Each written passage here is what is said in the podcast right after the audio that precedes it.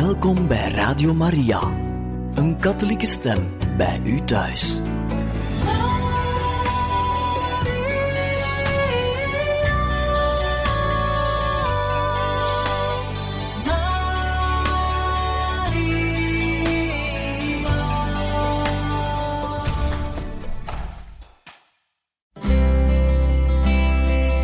Welkom bij Boekat, een programma van Radio Maria.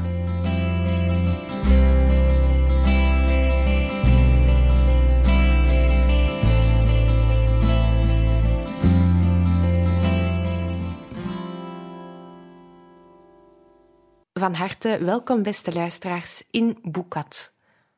Momenteel lezen we uit een boek geschreven door Albino Luciani, de latere paus Johannes Paulus I, die in zijn tijd als patriarch van Venetië de ongewone opdracht had aangenomen om iedere maand een brief te schrijven aan een beroemde persoonlijkheid in de periodiek Messaggero di San Antonio. We lezen er nu verder uit. Aan Penelope. Penelope, vrouw van Odysseus, moeder van Telemachus. Gedurende de afwezigheid van haar man wist ze de mannen die haar hand dongen aan het lijntje te houden, met de belofte haar keuze te zullen maken zodra het kleed af zou zijn dat ze overdag weefde en s'nachts weer uitrafelde. Zij is het symbool van de vrouw die onafscheidelijk trouw is, in goede en in kwade dagen. In goede en in kwade dagen. Prinses. De televisie heeft de lotgevallen van Dido weer doen herleven. Zij regeerde over Carthago in de jaren toen uw hoogheid die vrouw was van Odysseus, koning van het rotsachtige Ithaca. Uw lotgevallen waren van ontroerend menselijke aard. Augustinus, die bisschop was dicht in de buurt van Carthago, heeft als jongen geschreid om die lotgevallen, en ook wij hebben ze niet zonder ontroering vernomen. Arme Dido, ze zweert trouw aan de as van Sichaeus. Ze probeert te weerstaan aan haar groeiende genegenheid voor Aeneas. En geeft zich dan vol vertrouwen over aan de liefde. Dan komt de tragedie. De verliefde vrouw vermoedt dat Aeneas zich gereed maakt om uit Carthago te vertrekken. Vergeefs bezweert ze haar beminde held te blijven. Vergeefs beschuldigt ze hem van ondankbaarheid en verraad. Aeneas vertrekt en de verlaten vrouw kan niet weerstaan aan haar smart. De vlammen van de brandstapel waarop ze zich laat verbranden, worden gezien op de Trojaanse schepen die naar Italië koersen. U, hoogheid, bent fortuinlijker geweest en ook voorbeeldiger. De listige Odysseus, met zijn vele sluwigheden, voerde u zijn paleis binnen, waar hij het huwelijksbed stevig op de tronk van de meest krachtige olijfboom had ingericht. U kreeg van hem Telemachus, een schat van een kind. Weliswaar moest Odysseus vrijwel onmiddellijk vertrekken voor de langdurige Trojaanse oorlog, na welks beëindiging, met name bewerkt dankzij het beroemde paard dat hij geconstrueerd had, hij tot rondzwerven gedwongen werd over de zeeën van de halve wereld. Maar ondanks deze schier eindeloze omzwervingen had hij het geluk te mogen terugkeren naar zijn Ithaca en naar uw liefde. Deze had u intussen levendig en ongeschonden weten te houden. Die opdringerige vrijers die zich in uw huis genesteld hadden en daar vrolijk feest vierden op uw kosten, wilden dat u onder hen een nieuwe echtgenoot zou kiezen. Maar u, u gaf niet toe.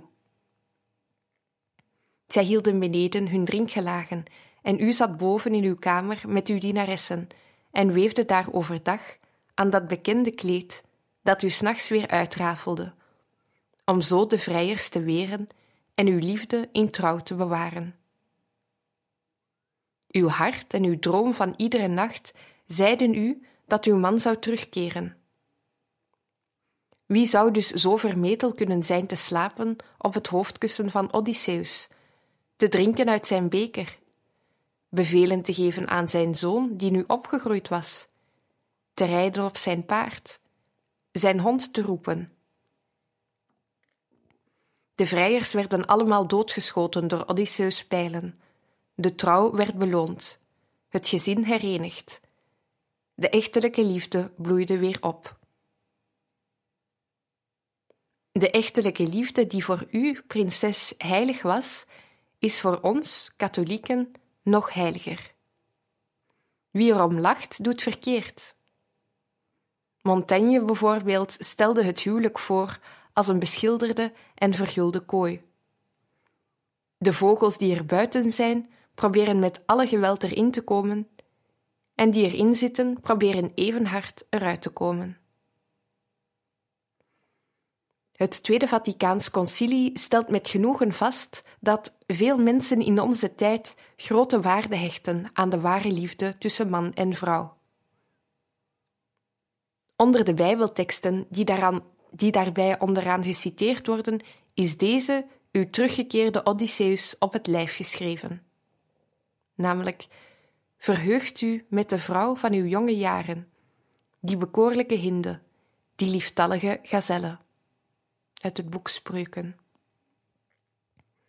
Denk niet meer terug, Odysseus, aan de tovenares Kirke, die u een jaar lang gevangen hield met feesten en maaltijden. Denk niet meer aan de bekoorlijkheden van Nausicaa, het meisje dat u amper gezien hebt op de oever van de rivier. Als het nog eens nodig zou zijn, laat u dan wederom vastbinden op de bodem van het schip om u niet te laten verleiden door de sirenen. Op u echter, edele Penelope, past de passage waarin het concilie spreekt over een echtelijke liefde die onafscheidelijk trouw is in goede en kwade dagen, op het niveau van lichaam en geest, wars van alle overspel en echtscheiding. Een ideaal dat u bereikt hebt, dat u de meer dan gewone deugd beoefent en de ziel, zielengrootheid en de offergeest getoond hebt waar, waarover het concilie spreekt. Daarbij wist u de vele hindernissen te overwinnen die de echtelijke liefde in de weg staan. Allereerst is dat ons eigen arm hart, zo onbestendig en onberekenbaar. Een wijze echtgenoot weet dat hij het goed onder controle moet houden. Maar soms gaat men zich inbeelden dat die waakzaamheid wel wat minder kan en dat men zich een aardigheidje kan veroorloven. Men zegt tot zichzelf: Het is maar voor eventjes, ik zal niet over de schreef gaan. Ik zal maar een oogje werpen door de tralies, om maar eens te kijken hoe het leven buiten eruit ziet. Maar het gebeurt dat de tralies openstaan, dat het ogenblikje tot een uur wordt en het uur tot verraad. Franciscus van Sales schreef hierover: Wat is uw bedoeling? Liefde opwekken, niet waar? Maar wie dit opzettelijk doet, wordt er onvermijdelijk zelf ook door aangegrepen. Bij dit spel wordt wie grijpt gegrepen. Sommigen zullen zeggen: Ik wil er slechts een beetje van hebben, niet te veel. Helaas, het liefdevuur is veel actiever en indringender dan het lijkt. Je denkt dat je er slechts een vonkje van meekrijgt. Je zult verwonderd staan wanneer je merkt dat dit vonkje als een bliksemschicht je hart in vuur en vlam zet. Je goede voornemens zullen tot as gemaakt worden en je goede naam gaat op in rook. De tweede moeilijkheid is de eentonigheid. Elke dag worden de echtgenoten in beslag genomen door de prozaïsche noodzakelijkheden van hun huishouden en hun baan. Hij vreest dat zijn vrienden hem een zwakkeling zullen vinden als hij niet op een feestje komt, omdat hij thuis zijn vrouw gezelschap wil houden. Zij meent tijd te verspillen als ze ophoudt met haar werk om met hem te praten. En zo komen ze tot de bevinding dat in hun affectieve leven bijna alles gezegd is. Dat hun liefdesuitingen zich wel kunnen beperken tot een verwijzing naar het verleden en de herinnering. Hier doemen de gevaren op, die van de veertigjarige leeftijd, die Paul Bourget zo diepzinnig geanalyseerd heeft in zijn roman Le démon de midi. Dan komen Venus en Adonis in de gedaante van zijn of haar collega van het kantoor. En men merkt dat men daarmee meer inzichten gemeen heeft dan met de echtgenoot. Of men voelt een ijdele nieuwsgierigheid opkomen. Ik wil toch wel eens proberen of mijn vroegere charmes nog functioneren. Als het blijkt dat ze nog functioneren, is het onmogelijk zich niet te laten meeslepen. Ofwel, als de goede oude overtuigingen in scherven gevallen zijn, laat men zich meegaan met de mode van de dag. Ze doen het allemaal. Een man bedriegen, een vrouw bedriegen, dat zijn melodramatische woorden. De zaak is veel eenvoudiger. Het is een kwestie van een gelegenheid aangrijpen, een roos plukken. Roeping van de echtgenoot tot trouw? Ja, maar tot meer dan één trouw. Dat ik een verhouding heb met die vrouw doet niets af aan mijn tedere gevoelens voor deze, die de moeder van mijn kinderen is, die ze voor me opvoedt, het huishouden doet, die elke dag zorgt voor de uitgaven, de keuken enzovoort. Bestaan er middelen tegen dit soort gevaren? Ja, het besef van onze afhankelijkheid van God, het gebed dat ons verschaft wat ons door onze zwakheid ontbreekt. De kunst om de eigen onderlinge liefde te hernieuwen. De man blijven nog steeds zijn vrouw het hof maken. De vrouw blijven steeds haar man aanlokken met haar attenties en tederheden. De heilige Franciscus van Sales schrijft: Liefde en trouw tezamen leiden steeds tot intimiteit en vertrouwelijkheid. Daarom hebben heilige echte lieden in hun huwelijk steeds veel liefdeblijken uitgewisseld. Isaac en Rebecca, het meest kuise echtpaar in de oudheid, werden door het venster opgemerkt terwijl ze elkander liefkoosden op zo tedere wijze dat Abimelech, ofschoon er niets onbetamelijks gebeurde, aanstonds begreep dat dit alleen maar echtgenoten konden zijn. Lodewijk de Heilige moest zelfs verwijten aan horen omdat hij overdreef in zulke kleine attenties die nodig zijn om de echtelijke liefde in stand te houden. De derde moeilijkheid is de jaloezie, die de liefde niet adelt, zoals men soms meent, maar haar vernedert en bederft. Franciscus van Sales schrijft het is dwaas de liefde te willen prijzen of te willen opdrijven door de jaloezie. Ja, de jaloezie is een bewijs voor de grootheid en de kracht van de gevoelens, maar niet voor de goedheid, zuiverheid en volmaaktheid daarvan.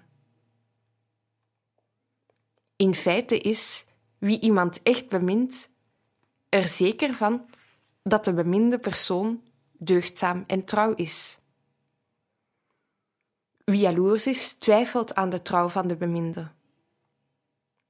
Verder zegt hij: jaloersheid vernietigt op den duur het wezen van de liefde, omdat ze tegenstellingen en onedigheden schept. Deze tegenstellingen en oneenigheden vormen een vierde hindernis voor de echtelijke liefde. Zelfs de beste echte lieden hebben hun ogenblikken van vermoeidheid en slecht humeur, waartegen iets gedaan moet worden zonder dat de vrede verstoord wordt. Is de man eens boos en somber? Dat is het ogenblik waarop de vrouw de situatie moet verlichten door haar tederheid. Is zij nerveus en vermoeid? Dan is het zijn beurt om rustig te wachten totdat die spanning weggevallen is. Belangrijk is dat hun gespannenheid niet op dezelfde tijd intreedt. Anders komt er beslist kortsluiting. Flitst de bliksem, zegt men boze dingen, die dikwijls wel waar zijn, maar die ontgoocheling, wrok en heimelijke wonden veroorzaken. Billijk zou zijn dat, indien de momenten van gespannenheid echt niet te vermijden zijn, elk van de twee zijn beurt mag hebben om slecht gehumeurd te zijn.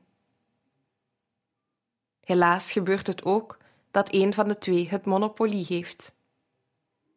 In dat geval heeft de ander geen keus dan alle moed te verzamelen en te proberen het monopolie van het geluid voor zich te behouden. Prinses, ik merk dat ik praktijk en theorie naast elkaar geplaatst en deels heb laten samenvallen. Door namelijk datgene wat u, of schoon geen christen, met uw ingeboren gevoel van eerlijkheid en fijngevoeligheid in praktijk hebt gebracht. Te plaatsen tegen de achtergrond van de lessen van bisschop Franciscus van Sales, in het licht van de Bijbel en steunend op zijn psychologische introspectie. Zal dit van nut zijn voor de echtparen die tegenwoordig zo geplaagd worden door moeilijkheden? Ik hoop het. Maart 1972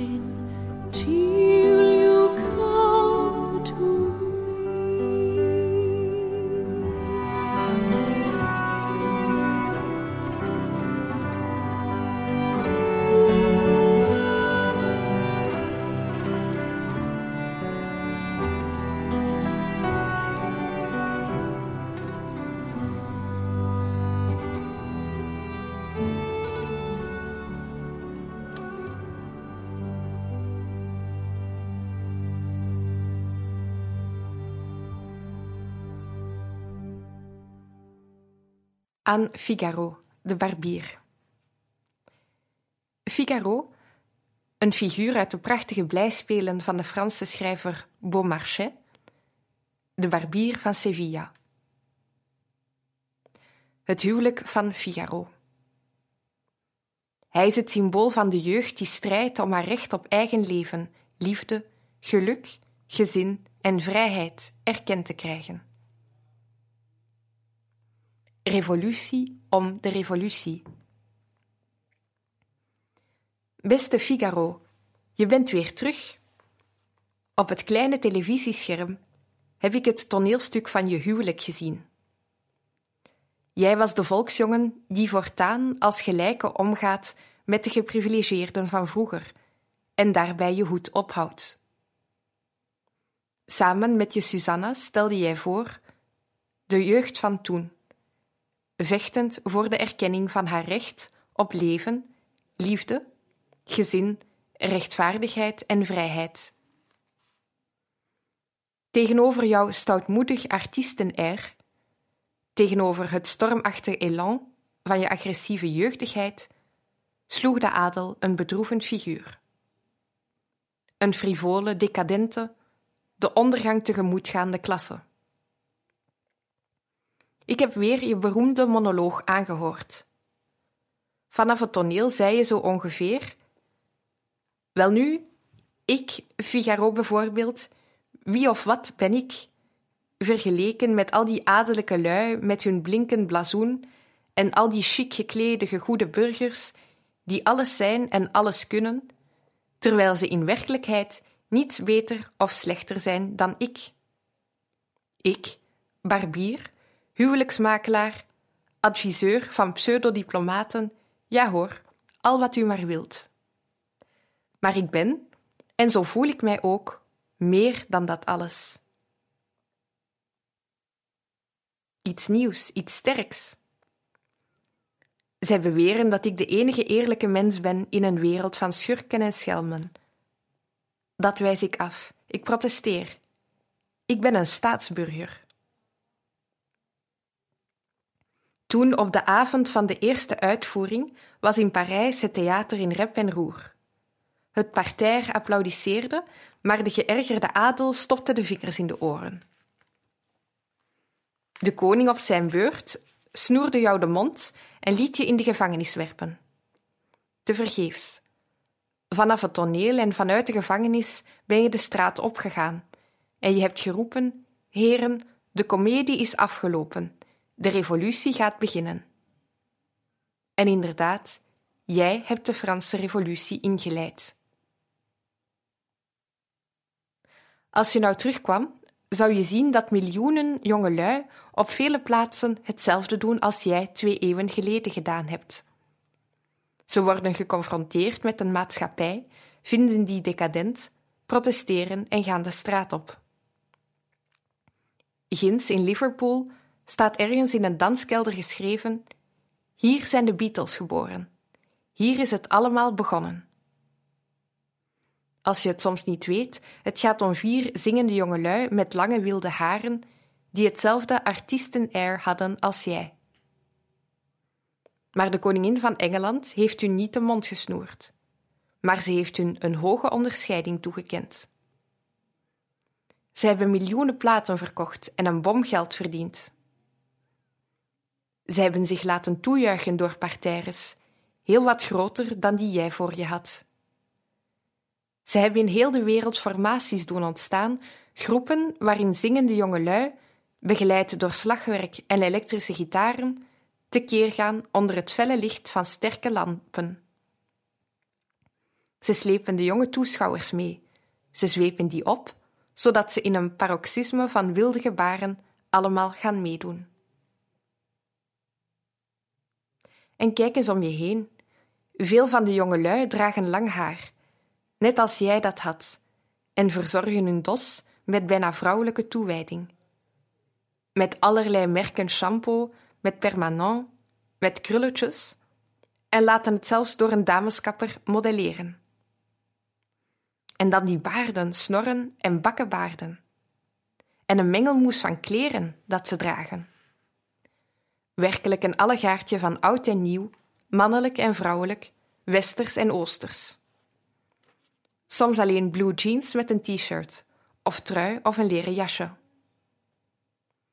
Soms dragen ze kousen uit de tijd van de Renaissance, of jassen zoals officieren die in de Napo Napoleontische tijd droegen, afgezet met 17e-eeuwse kant, en daarbij gespschoenen, zoals de geestigheid die vroeger had.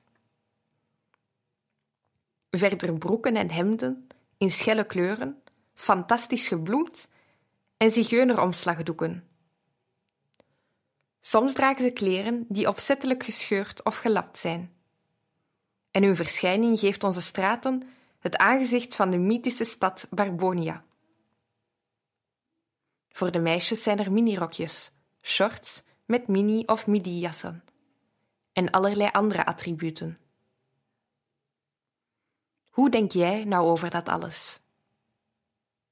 Mij vinden ze op dit gebied toch maar een incompetente leek die het, heel, die het wel een beetje amuseert en interesseert, maar die vooral ook kritiek geeft. Men spreekt van muziek van de jongeren. Maar ik merk toch op dat de platenhandel er met heel oude trucs miljarden aan verdient. De jongelui beroemen zich op spontaneïteit, anticonformisme en originaliteit. Maar in werkelijkheid heersen de sluwe magnaten van de kledingindustrie ongestoord en soeverein in deze sector.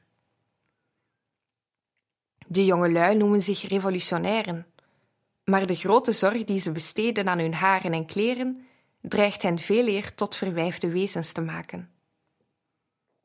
En wat de meisjes betreft, die dragen de kleren erg kort, omdat ze er elegant uit willen zien en zich volgens de mode kleden. Ik wil geen manicheer of jansenist zijn, maar ik bedenk met leedwezen dat ze op die manier niet direct de deugd van de jongens helpen bevorderen. Natuurlijk, die jongelui zien de revolutie, waarmee zij sympathiseren, als een middel om een eind te maken aan de uitbuiting van de ene mens door de andere. Sommigen zijn van mening dat de ingevoerde hervormingen onvoldoende zijn en averechts werken. Ze beschouwen daarom revolutie als het enige middel om sociale rechtvaardigheid te bewerken. Anderen echter willen op korte termijn ingrijpen, ingrijpende sociale hervormingen. Echter, ze beschouwen geweld als een extreem middel dat alleen in uitzonderlijke en ernstige gevallen aangegrepen mag worden. Weer anderen gooien alle gewetensbezwaren overboord. Geweld, zeggen ze, is uit zichzelf verantwoord. Je moet revolutie maken om de revolutie. Mao Zedong zei tot de Chinezen: Laten we de culturele revolutie beginnen, om de ideologie van de bourgeoisie, die nog in het marxisme is overgebleven, grondig op te ruimen. De Fransman Régis Debray tot de Zuid-Amerikanen. Uw revolutie kan niet plaatsvinden zoals dat elders het geval geweest is, met een partij aan het hoofd. De guerrilla van heel het volk, dat is de ware revolutie. Van Mao en Debray komen we bij Fidel Castro, Giap en de studenten uit de Franse meidagen. Het doel van de studentenrevolutie, zei Cohn-Bendit, is niet de maatschappij te veranderen, maar ze omver te werpen. Het mogen duidelijk zijn, beste Figaro, dat ze jou ver voorbij streven.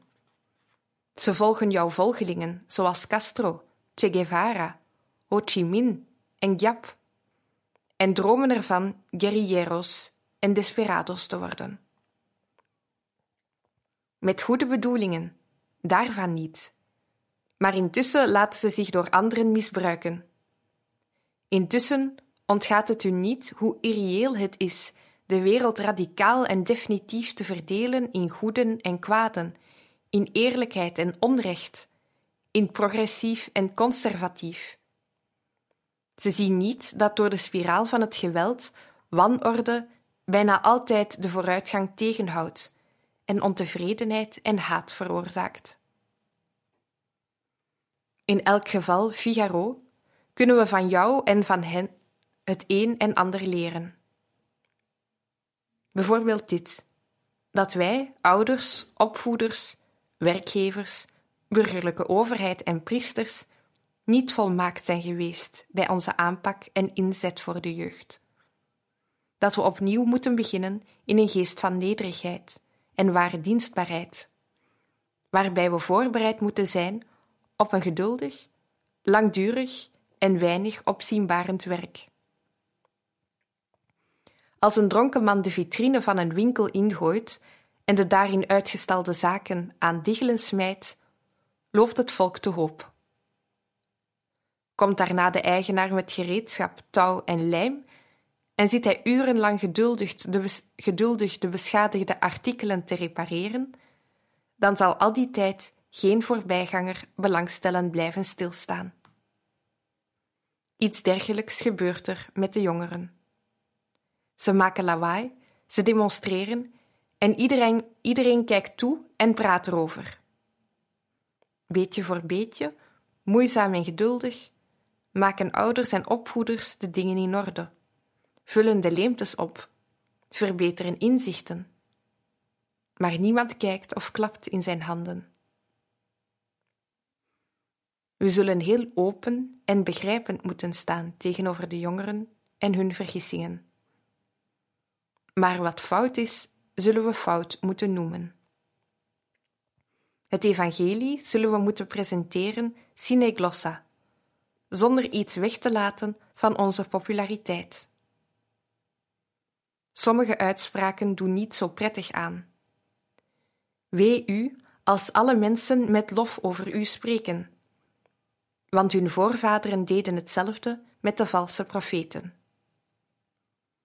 Trouwens, de jongeren houden ervan dat men hun, hun de waarheid zegt, en zij voelen intuïtief de liefde achter een vermanend woord dat met liefdevolle oprechtheid gesproken wordt. We zullen ook moeten aanvaarden dat de jongeren anders zijn dan wij ouderen, in hun manier van oordelen en doen, van beminnen en bidden. Zij hebben, net als jij, Figaro, dat had, aan de wereld iets te zeggen, waard om beluisterd en gerespecteerd te worden. We zullen met hen samen de taak moeten delen om de maatschappij te verbeteren. Waarbij we er wel rekening mee moeten houden dat zij liever het gaspedaal en wij eerder de rem indrukken. En dat het probleem van de jongeren niet losgezien mag worden van dat van de maatschappij.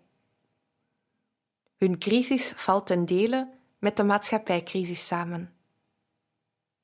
Figaro, jij was heel scherpzinnig in het signaleren van misbruiken en gebreken, maar niet even scherpzinnig in het aanwijzen van geneesmiddelen. Afgezien van de overdrijvingen was je diagnose omtrent de maatschappij juist, maar je therapie was maar gebrekkig. Toch is er voor de jongeren van heden en van alle tijden een therapie, en wel deze. Hun doen inzien dat het antwoord op de problemen waar zij zo vol van zijn, niet is gegeven door Marcuse, Debray of Mao, maar door Christus. Verlangen ze broederlijkheid? Christus heeft gezegd: Gij zijt allen broeders. Smachten ze naar waarachtigheid? Christus heeft in strenge bewoordingen alle huichelachtigheid veroordeeld. Zijn ze tegen autoritair en despotisch optreden? Christus heeft gezegd dat gezag dienstbaarheid betekent. Protesteren ze tegen formalisme? Christus heeft geprotesteerd tegen het mechanisch opzeggen van gebeden, het geven van aalmoezen om door de mensen gezien te worden weldadigheid met egoïstische bedoelingen. Willen ze vrijheid van godsdienst?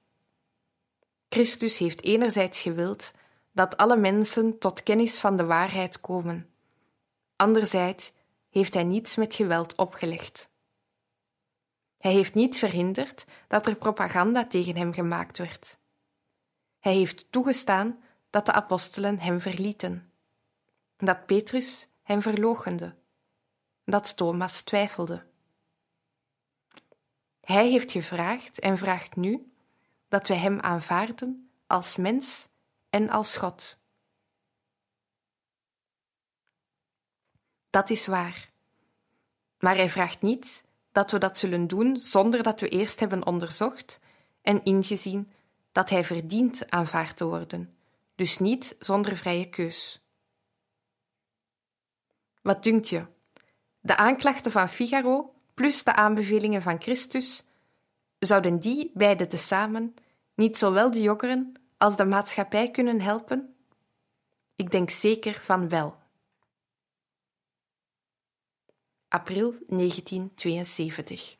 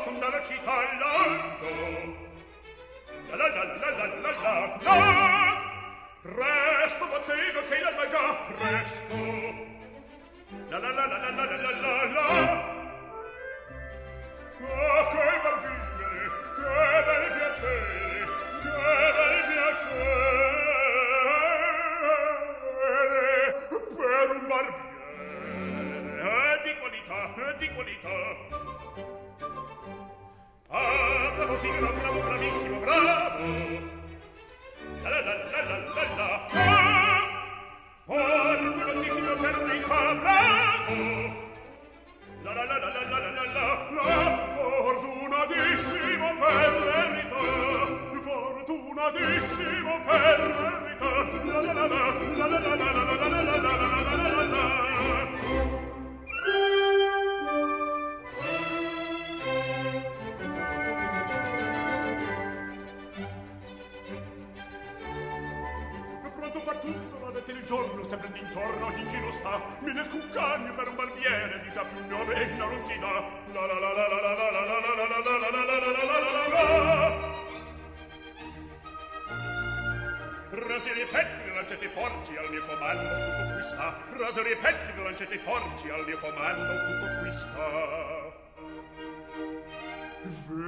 risorsa voi del mestiere con la donnetta col cavaliere e con la donnetta la la la la la la la col cavaliere la la la la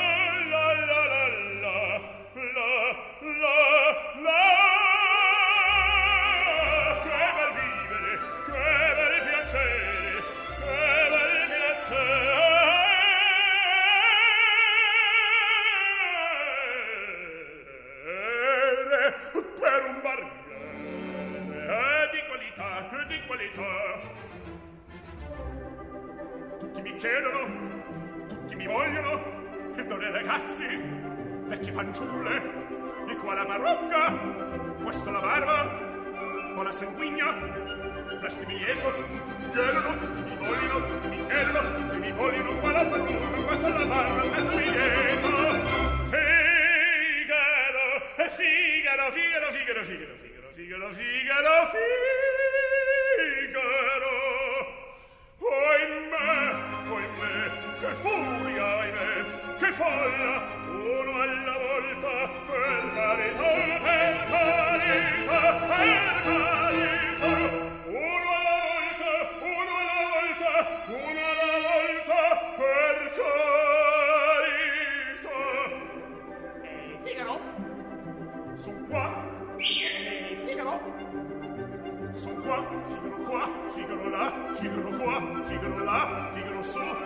giù, tirano su, tirano giù, pronto prontissime sono col mettormene, sono attaccato dalla città, dalla città, dalla città, dalla città, dalla città. Arbo figaro, bravo bravissimo, arbo figaro, bravo bravissimo, a te fortuna, te fortuna, te fortuna mancherà. Arbo figaro, bravo bravissimo, arbo figaro, bravo bravissimo, te fortuna, te fortuna, te fortuna mancherà. Sarò il fegatum della città, sarò il fegatum